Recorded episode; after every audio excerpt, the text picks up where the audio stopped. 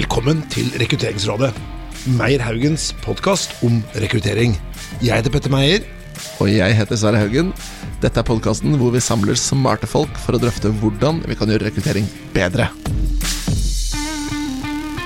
Sverre, i dag er vi virkelig heldige, for vi har fått tak i to spennende karer.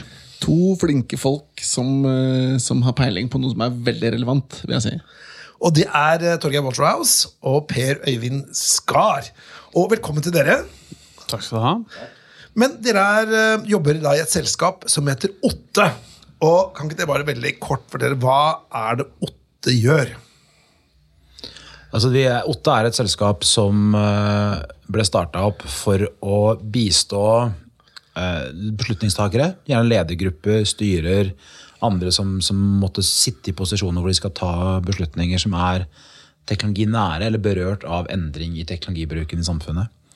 Så er det et stort behov der ute for å, å bridge eh, kompetansen og erfaringen fra en sektor eller i et domene eh, i en type posisjon med det som foregår rundt teknologi. Enten det er teknologiaktører som skal lykkes med samfunnet rundt seg, eller det er hvem det måtte være i samfunnet som skal lykkes med teknologi.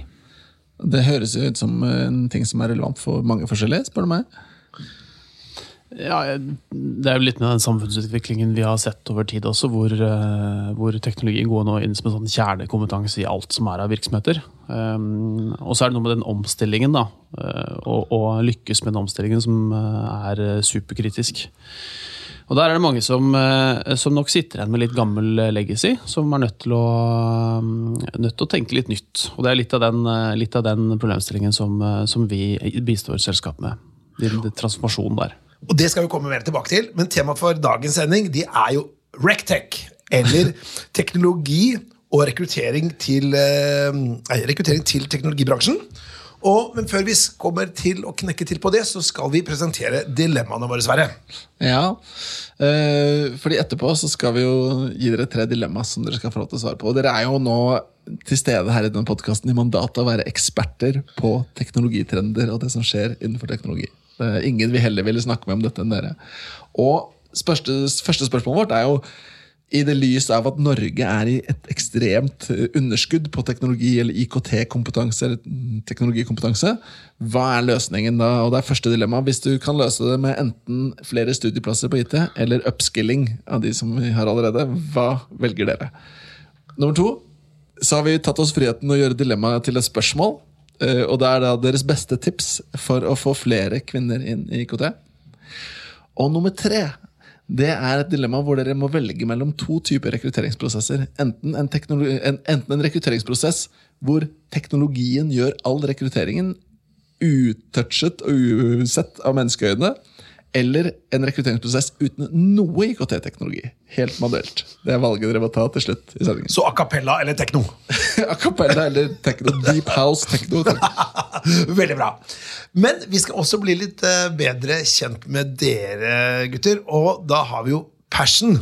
Så hvis vi hadde møtt dere på fest, da, ta det hypotetiske tilfellet at vi hadde dumpa borti dere på en eller annen fest, og så hadde vi eh, begynt å prate med dere, og så hadde dere fått akkurat drømmetemaet deres. Og bare at dere kan prate med i timevis. Prøvin, hva skulle det vært?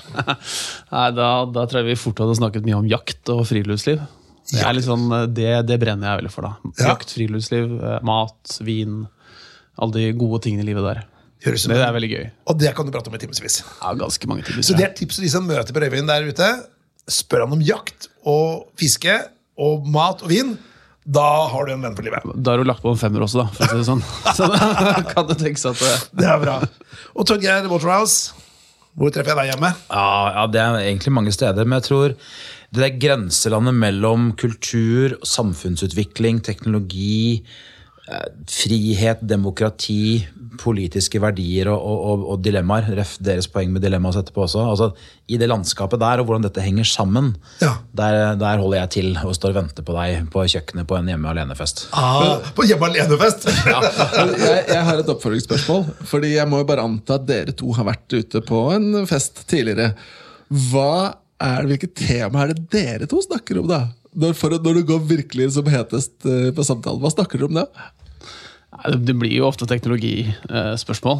Altså, begge brenner for det. Nå valgte jeg noe annet da, for å differensiere meg litt fra det vi jobber med til, til daglig. Men, men eh, det ender ofte opp med politisk eh, teknolog, eller kombinasjon av de to. da. Gjerne sånn myndighetsregulering som åpner for nye teknologiveier, eller som strammer inn. og Så dere snakker jobb, ganske enkelt.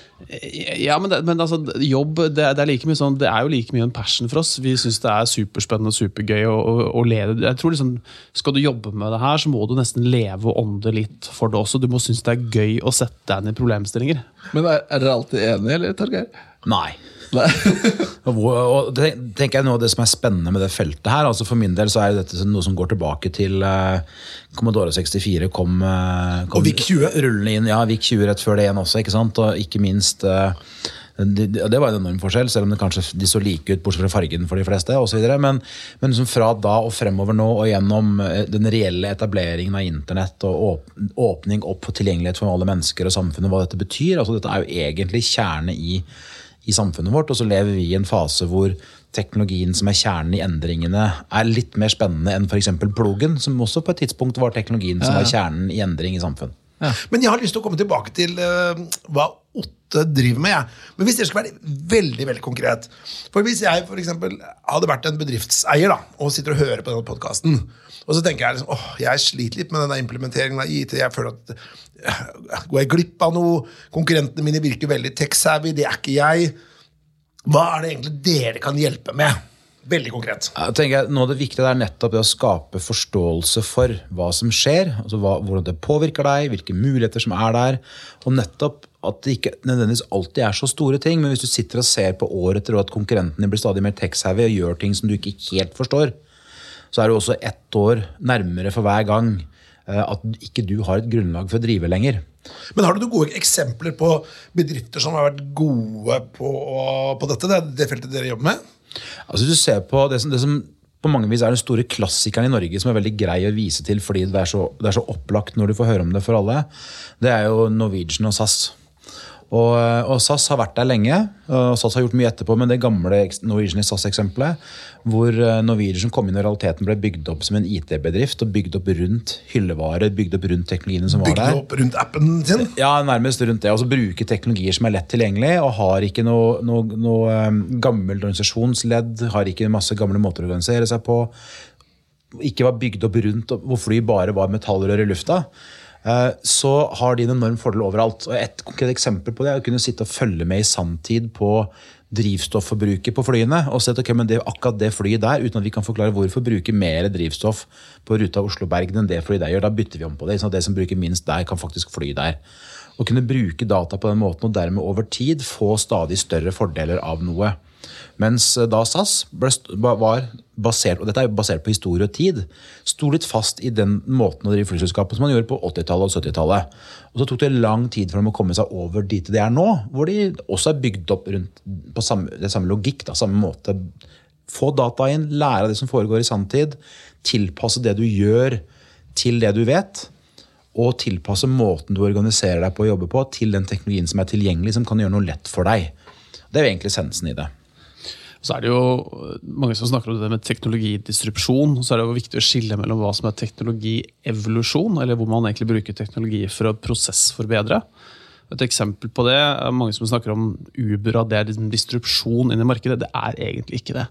Det er teknologiprosessforbedring. Altså De gjør jo det samme. De sender en bil som frakter deg fra A til B, men de har bare forbedret måten du bestiller på, måten du, eh, opp, altså kundeopplevelsen. Er det de har tatt for seg. Mens hvis du ser på teknologidisrupsjon, så er vi mer over på sånn som Netflix, hvor du endrer en hel forretningsmodell fra at vi kjøper medier, altså vi kjøper eh, Blu-ray eller CD-er eller hva det er for noe, til at du nå går over til leie via Spotify, eller du, eh, altså du har en abonnementstjeneste. Da. Da snakker du mer om distribusjon av forretningsmodeller. Så det er viktig å skille mellom. Og, og, og hvis jeg forstår det rett, da, litt av det dere som skiller dere fra ganske mange andre teknologirådgivere, er den der reguleringskompetansen og dette med den offentlige reguleringen. Og der burde vel kanskje Uber snakka med dere i forrige runde de var her, eller? Ja, eller i hvert fall så, så Det handler mye om å se at Eh, veldig grovt og forenkla så kan du si at eh, du kan enten være opptatt av hvor skal du trykke, og hvor skal du vri, og hvordan skal du koble ting sammen så du får den rette lampa til å lyse og teknologien er på plass og du er happy med det. Som er den ene delen av det. andre delen av det som er jo hvordan spiller dette inn mot samfunnet for øvrig? Hvordan spiller det inn mot eh, hvem som har lyst til å jobbe for deg, hvem som har lyst til å være kunden din, hva du kan få til, hvilke marginer du skal ha osv. Det er det det er. Altså, det er den tosidigheten der som er viktig. typisk oppdrag sånn som dere har? Hva, liksom, bare så man blir klokere på det der. Hva, hvordan ser et typisk oppdrag ut for dere? Det kan være alt fra nye stortingsmeldinger, hvor, eh, hvor noen av eh, selskapene vi jobber sammen med, ønsker å få ivaretatt sine synspunkter. Altså Hvor de ønsker å få belyst eh, hvordan dette påvirker til, altså i, i det området de jobber med. Eller så kan det dreie seg om helt andre type oppdrag, hvor, eh, hvor man eh, ser på at eh, man har sviktende salg på et eller annet område. eh, Man ser at konkurrenten har lansert nye produkter og lurer på hva, hva, hvordan skal vi angripe det her, hva, hva skal vi gjøre nå? Og man ser at man har ikke den kompetansen internt.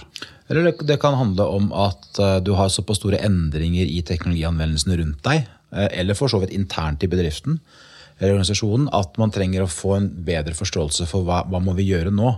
Altså det er litt sånn type, Du vet at en stol med, som mangler en bein, skal, et bein skal du ikke sitte på, for det kommer til å velte. Men du kan ikke se på en datamaskin eller på et nettverk som er trådløst, at her er det noen issues vi må ivareta.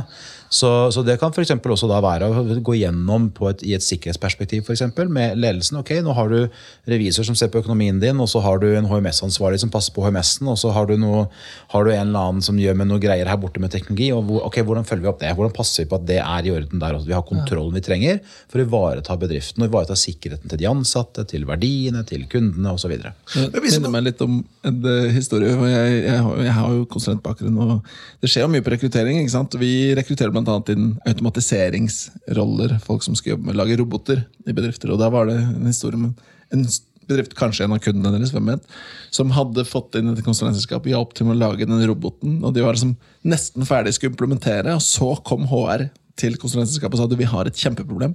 Vi vet ikke, vi har ikke noe plass til roboten, vi har ikke noe kontorplass hvor roboten skal sitte. Vel, det visste han, det gikk greit, da. Spøk? Men løste de er den utfordringen? Det eh, Det er helt ja. Men det viser noe om det du sier, da, at du kan ikke se det benet som ikke mangler på IT-siden. Ikke sant? Og det som, vi, som er fascinerende med dette her også, Vi snakker mye om IT-kompetanse og, og, og teknologikompetanse og forståelse. Og så er det samtidig sånn at du trenger forståelse for alle mulige områder hvor teknologien skal anvendes. Du trenger kompetanse om det miljøet, den sektoren, det domenet. Og eh, vi ser jo også der at det er behov for å trekke kompetanse i begge retninger her. Man må få mer forståelse for alle aspektene i samfunnet når man jobber med teknologien. Og det gjør at vi for nå kommer til å ha diskusjoner rundt rettighetene til maskinene fremover. Vi kommer til å ha Bill Gates vil innføre skatt på, altså inntektsskatt på roboter. Ja, det, det er en av mange diskusjoner som løper. Hvilke rettigheter skal maskinene ha? Skal, det, skal det, arbeidet deres skattlegges? Hvilke etiske vurderinger eller rammer skal vi sette for sånn automatisering? Ja, det er noe av greia. ikke sant? Altså, du, har, eh, du har selvfølgelig all dystopien som man kan peke på. Så har du all utopien man kan peke på. Så er det, må vi prøve å finne noe Men, men, men når vi har da to sånne eh, tech-eksperter her, da. Hva, er, hva skjer i markedet nå? Hva er liksom de store megatrendene i, eh, på tech-siden som burde være relevant for norske bedrifter å få med seg? Hvis dere gir en sånn topp tre-liste. Jeg tenker at En av de store aspektene som, som blir spennende å se hvordan slår ut, er at veldig mange bedrifter begynner å definere seg om til å være IT-bedrifter. Ja. DNB er kanskje det største, mest synlige på det, som sier at vi er nå et IT-selskap, vi er ikke en bank lenger. Og Det kan man jo diskutere mye, men det er også et perspektiv de har valgt seg. Og Det handler jo veldig mye om nettopp noen av disse store store trendene som du kanskje kan oppsummere i en, jeg pleier å si at det, en, det pågår en perfekt storm. Det er Du har kombinasjonen av eh, datakraft, eh, som er en realiteten uendelig, også pga. cloud-tjenester, som er en av de andre store underliggende trendene, at man flytter ut i cloud. Flytter dataene sine bort fra sin egen lille serverhall eller serverrom i kjelleren, hvor du kan klappe på maskinen på hodet osv., men ut i et litt sånn udefinert for mange nettverk av maskiner der ute du kan bruke. Så har du data, enorme mengder data. Vi produserer jo mer data for hvert år enn det som har vært tidligere i realiteten. altså Enorme mengder som kan brukes. Og så har du eh, kunstig intelligens som virker inn mot dette. Og kunstig intelligens er ikke en eller annen teknologi eller en software-applikasjon. Altså, det er ikke en sånn dings du kan slå på i nettet ditt. Og Det er noe av utfordringen med det. Det er, det er veldig abstrakt, men det er en måte å behandle data på. Det handler jo egentlig om det, og handle om kall det en teknologitype mer enn en teknologiløsning. Og, og vi samtidig kan kommunisere. Så vi har masse maskiner og sensorer rundt omkring som fanger opp i sanntid hva som foregår. Så kan man bruke alt dette sammen, og det er jo det som er det store. Kombinert med den vanlige usikkerheten som gjør at folk finner på masse rart og prøver ut, tester ut ting og blir usikre og vet ikke helt hvor de skal gå og løpe og sitte stille. Hva tenker du av Øyvind? Nei, jeg tror jo det er Mye av det Torgeir nevnte her, er jo de, de sentrale trekkene som vi ser. Men det er klart den, det at nå at teknologi har gått fra en sånn Det er de folka nede i underetasjen som sitter og skrur på maskinene, til at det er, det er kjernen i så mange selskaper. Lite det er Kjell, det. Ja, ikke sant? Det, det, sånn var det jo. Det var, det var, eh, man har hatt diskusjoner ikke sant? man skal ha ett eller to serverrom. De diskusjonene de begynner å fases mer og mer over i hva slags type cloud-tjenester. Hvor skal, cloud, eh, hvor skal dataene være lagret? Det er, helt andre typer diskusjoner. da. Og så er det jo interessant å se hvordan hvordan teknologien åpner opp for så mange nye forretningsmodeller og, og gjøre ting eller gjøre forretningsprosesser på helt andre måter, automatisere tjenester. Og da kommer du veldig også fort over i eh, noe av det vi gjør, altså myndighetsreguleringen av det, hvor myndighetene går inn og regulerer flere og flere områder. GDPR er jo ett et eksempel på det, som har vært mye snakk om. Og jeg tror nok også at myndighetene ser at de er nødt til å gå inn og regulere mer og mer. For Hvis ikke så, så, så kan på en måte teknologiutviklingen dra oss på noen eh, områder i litt feil retning. Men eh, jeg må si sånn, fra vårt perspektiv, vi jobber jo mye med IT-rekruttering, teknologirekruttering, og det skiftet som dere snakker om, det påvirker jo kompetansen. Og det er jo, som vi snakket om, så vidt, et stort underskudd på kompetanse. Og så snakker dere om hvordan selskapene nå i større grad definerer seg som IT-selskaper. Og, og det vi, jeg opplever at vi møter, er to typer selskaper. Det er sånn som du nevner DNB, som sier at vi er nå et IT-selskap. Og så har du de andre som sier at nei, men vi velger å ikke gjøre det. Vi er fremdeles et, eh, en butikk eller et forlag, eller hva det nå skal være. men realiteten er at de også trenger jo den samme type kompetanse. Sånn at nå har vi jo et marked hvor alle slåss om de samme type profilene. da. Alle trenger den tunge kompetansen, men man varierer hvor mye man trenger av den. Og så er det også sånn at vi har teknologiskifter som gjør at du, du plutselig trenger mye av det som er eh, hva skal jeg si, eh, nytt eller det nyeste, eller noe sånt, også, men som ikke nødvendigvis var viktig før. Og Det er også der du støter på en del forvirring rundt om det er underskudd eller ikke. ikke sant? Det hører gjerne fra politikere nå da, at nei, men det er jo arbeidsledige folk med IT-utdannelse, så derfor så er det ikke det som er problemet. ja.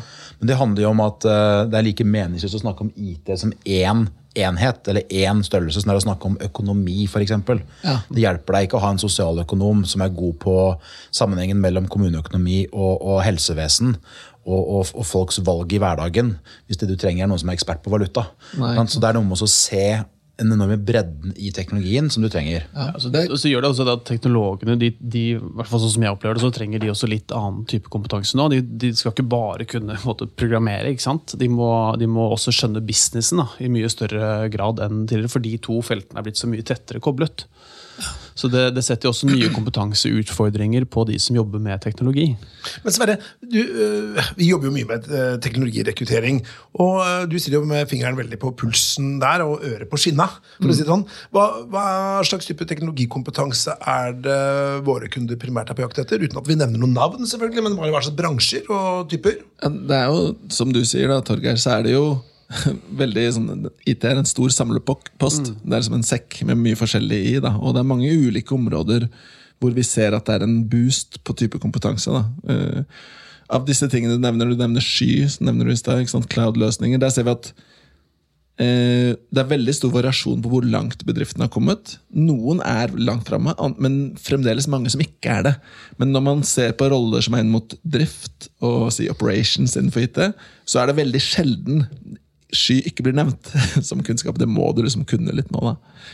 Eh, og så det, er det er helt avhengig det er, det, er, altså, det, er jo, det er jo samme som å være hvis du er fotograf som skal være med å spille inn filmer, og ennå ikke har tatt steget fra sort-hvitt til fargekameraer, så sliter du litt. Det er, Ja. det er type, Du må ha det. Så det er et, en ting, og så nevner du dette med datamengden som genereres. Vi ser at det er et stort behov for roller innenfor business intelligence, information management og liksom behandling av store datamengder. Det, det er superrelevant.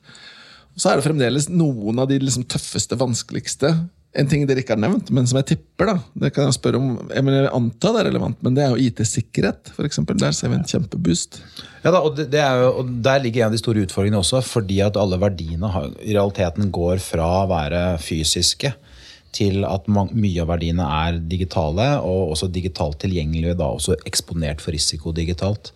Men her det har vi- er her har vi de store, pratet- store utfordringene. Ja, helt, men Her har vi jo prata veldig mye om kanskje utfordringen. At det her er mange ting en bedrift trenger. da. Så Hvis man sitter og lytter på podkaster og tenker åh, ja, det skulle jeg hatt, det skulle jeg hatt, det skulle jeg hatt, er det ikke litt deprimerende? Men har, det noe, har vi noen gode råd? da? Så la oss- Hvis jeg hadde vært en bedriftsleder, tenker jeg at nettopp at jeg føler at jeg er sakter akterut, og så vet jeg ikke helt hva jeg skal ha, og så føler jeg meg litt dum.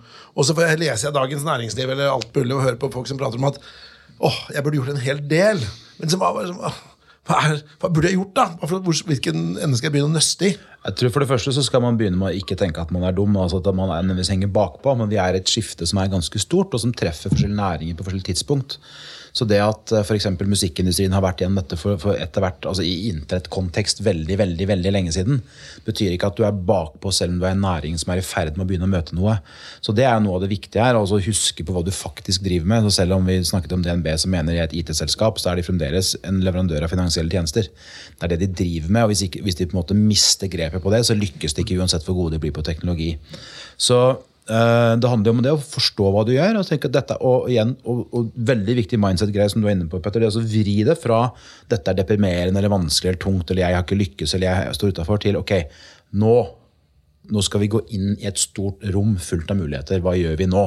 Hva er viktig for oss? Hvilke verdier har vi? Hvordan, skal vi, hvordan ønsker vi å jobbe med teknologi? Og med tanke på det dere driver med på rekruttering, så handler dette også mye om hvordan skal du være attraktiv.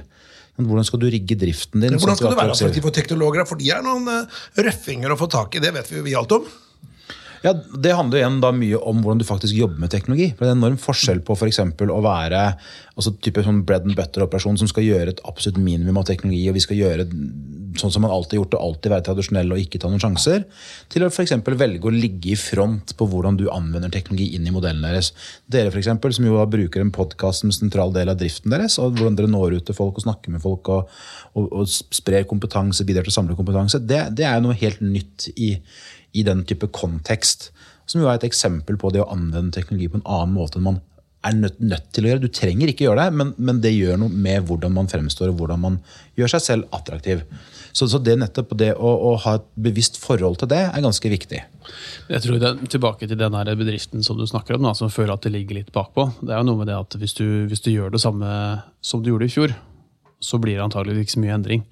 Så det, jeg tenker at de, de, må jo gå en runde med seg selv og se altså, Hvis de tenker noe frem i tid, da, hvordan, hvordan, ser de for seg eh, at markedet utvikler seg? Hvordan ser de for seg sin egen posisjon? Og så må man mappe det litt opp mot intern kompetanse. Så sitter man på ressursene for å gjøre de endringene som eh, man tror må til internt. Og hvis ikke, så må man jo enten skaffe seg noe bistand eksternt, eller uh, fylle på med riktig kompetanse så er det viktig i det også å være bevisst på at du går fra en driftsmodell hvor, hvor modellen din er rigga for drift, i det daglige til at du skal gjøre ganske mye utvikling. Det gjør noe med hvem du trenger, hvordan du jobber. Ja. Det er jo noe av det vi ønsker å, å bistå med også. er nettopp Hvordan kan vi bistå, komme inn med teknologiforståelse og kompetanse inn i den, de prosessene, hvor den bedriften er gode på det de driver med, og sitt marked og sine kunder og sine leverandører og partnere, og så kan vi bringe inn det de ikke har. Ja, Sverre? Ja, Dere ser jo liksom disse trendene. Dere snakker med ulike selskaper. Uh, hva ser dere ofte er mangelen på kompetanse? da? Hvis vi tenker, en ting er for oss, da, hvis dere skal gi oss et tips. Spesialiser dere på disse områdene. Bli god på den type rekruttering, så er dere liv laga framover. Altså, det som er et helt opplagt svar på det, som, det som, som, gir deg litt sånn eh, smerte, det er jo at dette med sikkerhet som vi så vidt var innom, det er et godt eksempel på det. Samtidig så har man utfordringen at eh, det er En ting er at det er behov for å rekruttere. Store spørsmål er er det noen å rekruttere. Jeg så at eh, noen som hadde laget en, en meme her om dagen hvor det sto at eh, en, en graf over antall arbeidsledige sikkerhetseksperter fremover, og den lå på null i flere år fremover. Og det er noe av utfordringen. Altså at det er eh, På mange av disse feltene hvor det er størst sug for ny kompetanse, så er det også vanskelig å finne folk. Og da ett felt, sikkerhet. Er Sikkerhet er et veldig godt eksempel på det. Og, Teknologisfæren er ligger jo der. Ja. og så har du data scientists, og du har de som skal drifte de enorme systemene og hallene. Du har nettverksbygging, ikke minst det å bygge sikre og robuste nettverk. som det blir mer av. Så det er masse der. Men, eh, men er samtidig, og det syns jeg er ganske viktig i dette bildet, det er også en stor mangel på forståelse for hva teknologi gjør, hvorfor det er viktig, hva du bør gjøre og ikke gjøre osv.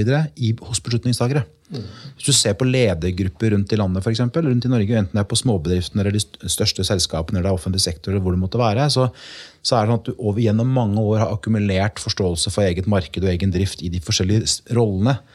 Men i et historisk perspektiv så er teknologien vi har rundt oss nå, den er såpass fersk at man har ikke fått det inn i den vanlige kompetansen og forståelsen. på samme måte, Det, det er et vel så stort problem. Men, men er ikke det noe som er utfordringen? at ikke sant, Hvis du skal kunne IT nå, så IT er ikke IT, men du må kunne IT og noe annet. Altså, du må, ikke sant, for du skal også anvende det i et felt. F.eks. sikkerhets... Så må du, sånn, ja, IT og finans, da, for eksempel.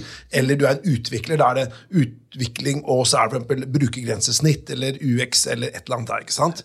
Men jeg tror det her dreier seg mye om altså det å forstå teknologi og teknologitrender, og hvordan det påvirker forretningsmodellene. For det er den kombinasjonen der som, eh, som vi ser slår inn ganske hardt nå. Men jeg har et annet tips dere da, til hva dere kan jobbe kanskje enda mer med. Jeg vet ikke hvor mye dere jobber med her i dag, men, men eh, ja. Eh, Men i hvert fall en, en, Det er Java-utviklere, det må Nei, det er ikke Java-utviklere. Nei, det er ikke det. Vi går, rett, vi går rett opp på styrenivå. For jeg Ja. tror en av utfordringene som mange selskaper sliter med i dag, det er at teknologikompetansen i styrene Ja. er ikke god nok. Ja. Så hvis man da ser på sammensetningen av hvordan styremedlemmer, og, og, og dette går litt sånn tilbake til valgkomiteen også, hvordan de, hvordan de jobber i ulike virksomheter, men det å få et større fokus på å få riktige styremedlemmer inn, det er noe jeg savner. Og dette er jo et veldig god, god input, syns Ja, jeg, Petter. vi, noen- ja. nå, nå har jo vi, vi jobber jo mye med rekruttering av IT-ledere på altså nordisk, norsk nivå osv. Og, så videre. og vi har jo denne topplederpodkasten hvor vi vet Ja. mange av topplederne drar jo inn flere IT-relevante kompetanse inn i styrene sine, eller Mm. i ledergruppene sine. Men jeg tror det er et godt poeng å spisse seg mot styrerekruttering på. Men- Helt avhengig av det styrer. Men hvis du bare tenker sånn litt sånn langsiktig, for nå snakker vi kortsiktig, noe av det vi er helt avhengig av i Norge, og det er jo indirekte resultat av hvem som rekrutteres inn til ledergruppene på utdanningsinstitusjonen også, det er for vridd innholdet i utdanningene sånn at man over tid får, som du var inne på i stad, Petter, det er dette med at du har kombinasjonskompetanse og forståelse på tvers. Ja, for det er ikke journalist også en journalist som skal lære IT. Det bør være integrert i utdanningen.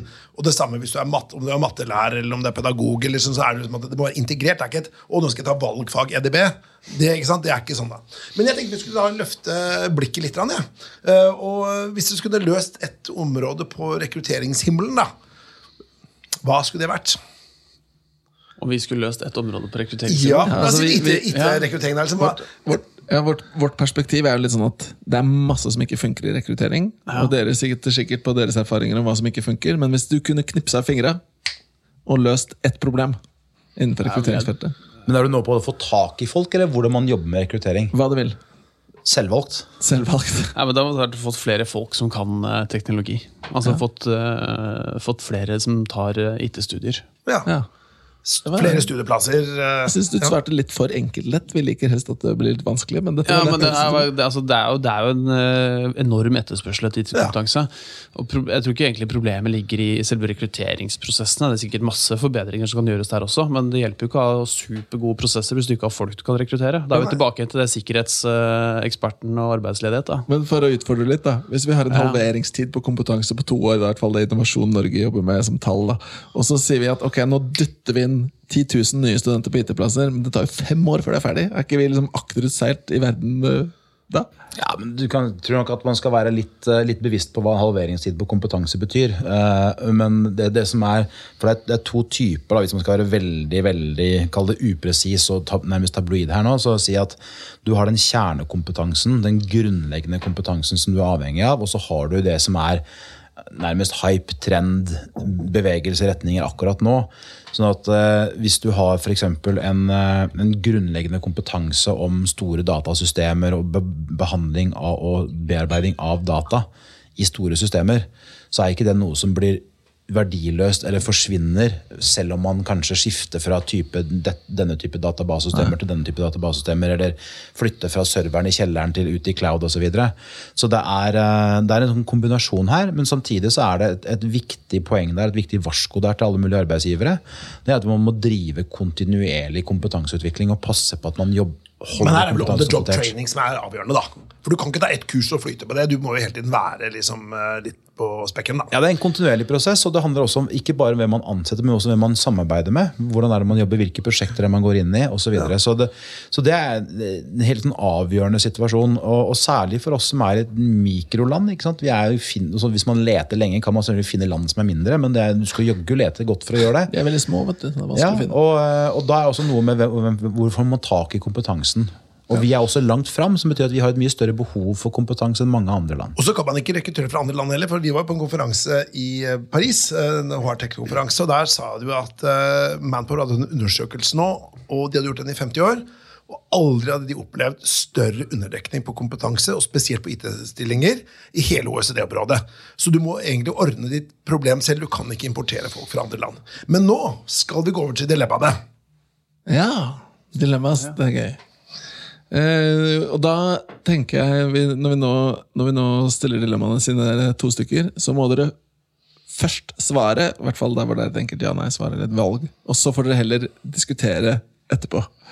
Eh, spørsmålet da er eh, Løsningen på kompetanseproblemstillingene som Norge står overfor nå innenfor IKT eller IT, eller teknologi, er det ekstra studieplasser? Der har kanskje du allerede lagt inn et eh, liten aksje for det, Skar. Eh, Eller er det upskilling av kompetansen som er ute i næringslivet allerede? Dere må ta et valg, og svare først, og så kan dere redegjøre etterpå. Ja, man har, har lyst til å trekke noe av det vi ser med Nei, men for- da har ikke du, bare da det. du skjønt Da svare Torgeir. med en gang. Da Men svarer det, er, Ole men det er dette som er hele poenget med IT-utviklingen vi ser, nemlig at man bryr seg ikke om de premissene noen forsøker å sette for hvordan det skal foregå. Ok, Så dere mener at reguleringen vår er feil? På, på. Nei, men det, det må være, er, dette er binært, for å bruke litt IT-uttrykk. Er det flere studieplasser, eller er det reskilling, upskilling av de folka du allerede har? Prøv. Da er det flere studieplasser. Men Nei! opp, opp, opp. Flere studieplasser, Torgeir. jeg! på, særlig på kort sikt så er det upskilling. Ja, og reskilling. Ja, men Der fikk dere dekket Ole Brummen. ja, ikke sant, der fikk vi dekket det. Ja, Og det var smart. selvfølgelig, det hadde vi avtalt. Ja, veldig, veldig lurt. Ja, kjempefint. Skal vi ta neste dilemma? Ja, vi tar neste dilemma. Uh, og det er jo et spørsmål da som er eh, litt vanskeligere å svare på sånn på sparket med et ja-nei, for det er ikke et ja-nei-spørsmål. Men hva er det viktigste vi kan gjøre for å få flere kvinner inn i IKT? Det er en av de her store, kompliserte greiene. og Det var heldigvis ikke et ja-nei-spørsmål, så det er litt lettere å ta seg noen friheter. Men, uh, Men, du må velge én ting, altså. Du ja, ehm, jeg, jeg, tror, jeg tror kanskje det handler om å ikke være så opptatt av å få flere kvinner inn i IKT. Og heller være opptatt av hva er det man skal drive med, hva, er- altså, hva, er det, hva skal være outcome av den jobben noen gjør. Eh, og hvordan skal, man, eh, hvordan skal man få til dette med, med å se det større bildet, og ikke bare altså, snakke om det som IKT. Prøv inn. Nei, men jeg, jeg, tror det er, jeg tror det er veldig riktig. Og, og jeg tror sånne tiltak som det å, å jobbe med podkast det, det eksemplifiserer, heter det kanskje på norsk, eh, også veldig godt hva man skal gjøre i de ulike rollene. Ja. For IT er ikke det som var IT i gamle dager. Det er ikke å sitte og skru på maskiner, det er å lage løsninger, det er å jobbe forretningskritisk med selskaper. Det er en helt annen rolle i dag enn det det var tidligere. Så jeg, jeg tror det å jobbe med å få fram hva er det egentlig man jobber med når man skal jobbe med IT, eh, jeg tror det kommer til å være ekstremt mye mer interessant for mange kvinner enn det som var den tradisjonelle gammeldagse rollen med sånn support og alt det greiene der. Så kan, vi liksom, kan jeg prøve nå paraphrase, som heter det på fint. Eh, det dere sier til å si at løsningen er egentlig å prøve å flytte problemstillingen fra dette IT, ikke IT, til å snakke om IT som en integrert del. Ja. For det er det jo i Ja, og det, det, jeg, tror, jeg tror det er egentlig det som skal til. For det, eh, kvinner er jo ikke noe dårligere IT-personer eller teknologer enn menn er. Kanskje snarere tvert imot. Og, og de oppgavene som er innenfor teknologi i dag, de, de tror jeg eh, altså Kona mi er jo teknolog også, så eh, de, de oppgavene er superspennende for alle, uavhengig egentlig om du er mann eller kvinne. Men er man kunne jo tenke seg to retninger. Enten man må endre IT-bransjen til mer eh, at kvinner liker det bedre. du- Hva skal til da, Petter? Nei, nei, men Det vet jeg ikke, men la oss si at enten må du gjøre noe med IT-bransjen, eller så må kvinnene endre sin innstilling. Da. For? En ting må endre for Hvis det ikke er så god match i dag, der den er marginal, kanskje 10% av de som jobber i IT-bransjen i dag, er kvinner. Men opplever dere at uh, selskaper ikke ansetter kvinner for at de er at Nei, nei, nei, Jeg tror ikke det der ligger Tvert imot. helt Så vil de ha det, ikke sant? Vi opplever at de aller fleste vil ha det, men at det er for få. Så Ikke sant? Vi det, om ut, det er det utdannes for få. Nei, ja, og det er for få fra før som har Ja, blitt utdannet. er Men vi presenterte nå nylig hadde en prosess hvor jeg presenterte da noen kvinnelige lederkandidater til en IT-lederstilling. Mm. Og da var det snakk om at vi hadde en, en shortlist hvor vi hadde to tredjedeler kvinner, en tredjedel menn. Mm. Og selskapet vi rekrutterte for, ble jo helt overrasket. De hadde aldri vært med på at det var så mange kvinner som var kvalifisert på en liste. Er ikke det bra, da? Jo, men det handler jo, det handler jo noe om fokuset. da man har rekruttert. Men, men dette handler jo også om de, alle de forskjellige fragmentene hvor alt henger sammen med alt. ikke sant? Det handler jo om okay, hvor mange er som har en utdannelse som er relevant. Og du skal mange år tilbake i samfunnet når de valgene ble tatt, som leda til at de som har en utdannelse i dag, er, som er relevant Jo, men du ser jo de som tar utdanning i dag, så er det jo mange flere menn som tar en IKT-utdanning enn som er kvinner. Jo, jo, selv, selv, men det har vært, også vært en, utvikling. Så du vil jo få den slagsiden vil du få i mange år Ja, ja. Og det har likevel vært en utvikling hvor det blir stadig flere kvinner inn i de utdanningsretningene. Så, så, men det tar lang tid å endre den type store strukturer. Og så, og så sitter jeg med inntrykk av at Før så kunne man kanskje være litt mer autodidakt på IT. da. Jeg husker De første IT-stillingene jeg gjorde i Arbeidsdirektoratet, det er jo snart 20 år siden. Der var det folk som gjorde liksom, gutterom, og det holdt, liksom. Men i dag så nytter jo ikke det. Da, da må du være høyt høyt skolert for å gjøre den jobben. Men neste dilemma, Sverre. Jeg kan bare skyte ut en kjapp ting der, for det er også noe det viktige med det. Så vi snakket om det å på en måte være, se det større bildet og hva, hva man faktisk jobber med. Men det er viktig også ikke miste det aspektet, den tunge fagkompetansen. Og så er det viktig å gjøre noe med kultur og holdninger. Ja, bra. Siste Bra, dilemma. siste dilemma. Da må dere velge i en ikke så, lang, ikke så fjern fremtid, uh, potensielt, en rekrutteringsprosess hvor et menneske ikke har noen beslutning med i prosessen. Det er kun heldigitalisert rekrutteringsprosess fra screening til gjennomføring og valg og, og ansettelse. Eller en prosess hvor vi må kaste all teknologi på båten og gå tilbake til papir-CV-er og ikke noe tech. Nå dras jo det dilemmaet ganske langt. hvilken- dilemma. Hvilken grøft vil du være i? si jeg kan, jeg kan ikke sende inn CV-en elektronisk heller, da. Nei, nei. Nei, selvfølgelig ikke. Du kan sende Nei, jeg, jeg, posten. jeg, jeg vil nok eh, Og det er jo bra for Posten, eh, så det er jo fint sånn sett. Men jeg tenker at det fortsatt, og i mange år fremover, er det bedre at det er et menneske som sitter på og har liksom lead på en rekrutteringsprosess, da, enn en datamaskin. Og vi, det er mange eksempler på sånn, eh, datagrunnlagsbias som vi enda ikke har kommet oss over. Så jeg, kanskje på sikt så går man dit, men, men jeg tror denne kombinasjonen egentlig er det som gjelder av eh, gode Men du systemer. velger? Jeg velger eh, at det er the personal touch. eh, hvis, jeg, hvis jeg må ta et sånt valg, og det må jeg oppleve. Og du, Torgeir? For meg så er dette veldig veldig enkelt. Få folka ut av rekrutteringsprosessen.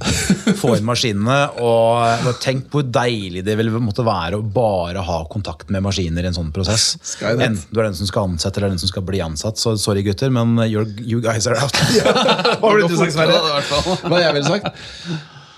Av disse to Der vi, er- der vi er nå high tech eller high touch? I dag high touch mennesker, men potensielt i fremtiden tech. Men da trenger vi andre løsninger enn det vi har. Ja, jeg er helt enig. Eh, Jeg ville helst hatt high touch. Ikke for at jeg tror liksom vår bransje er så himla god på det, men jeg tror det tech kan hjelpe deg med, er å finne personer og teste personer.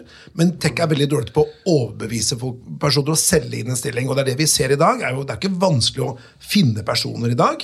Altså Det kan alle med LinkedIn-konto eller et normalt nettverk gjøre, men det utfordrende er å overbevise dem eller finne ut om er dette en riktig jobb for deg, og, og ha den personlige touchen om du skal bytte jobb.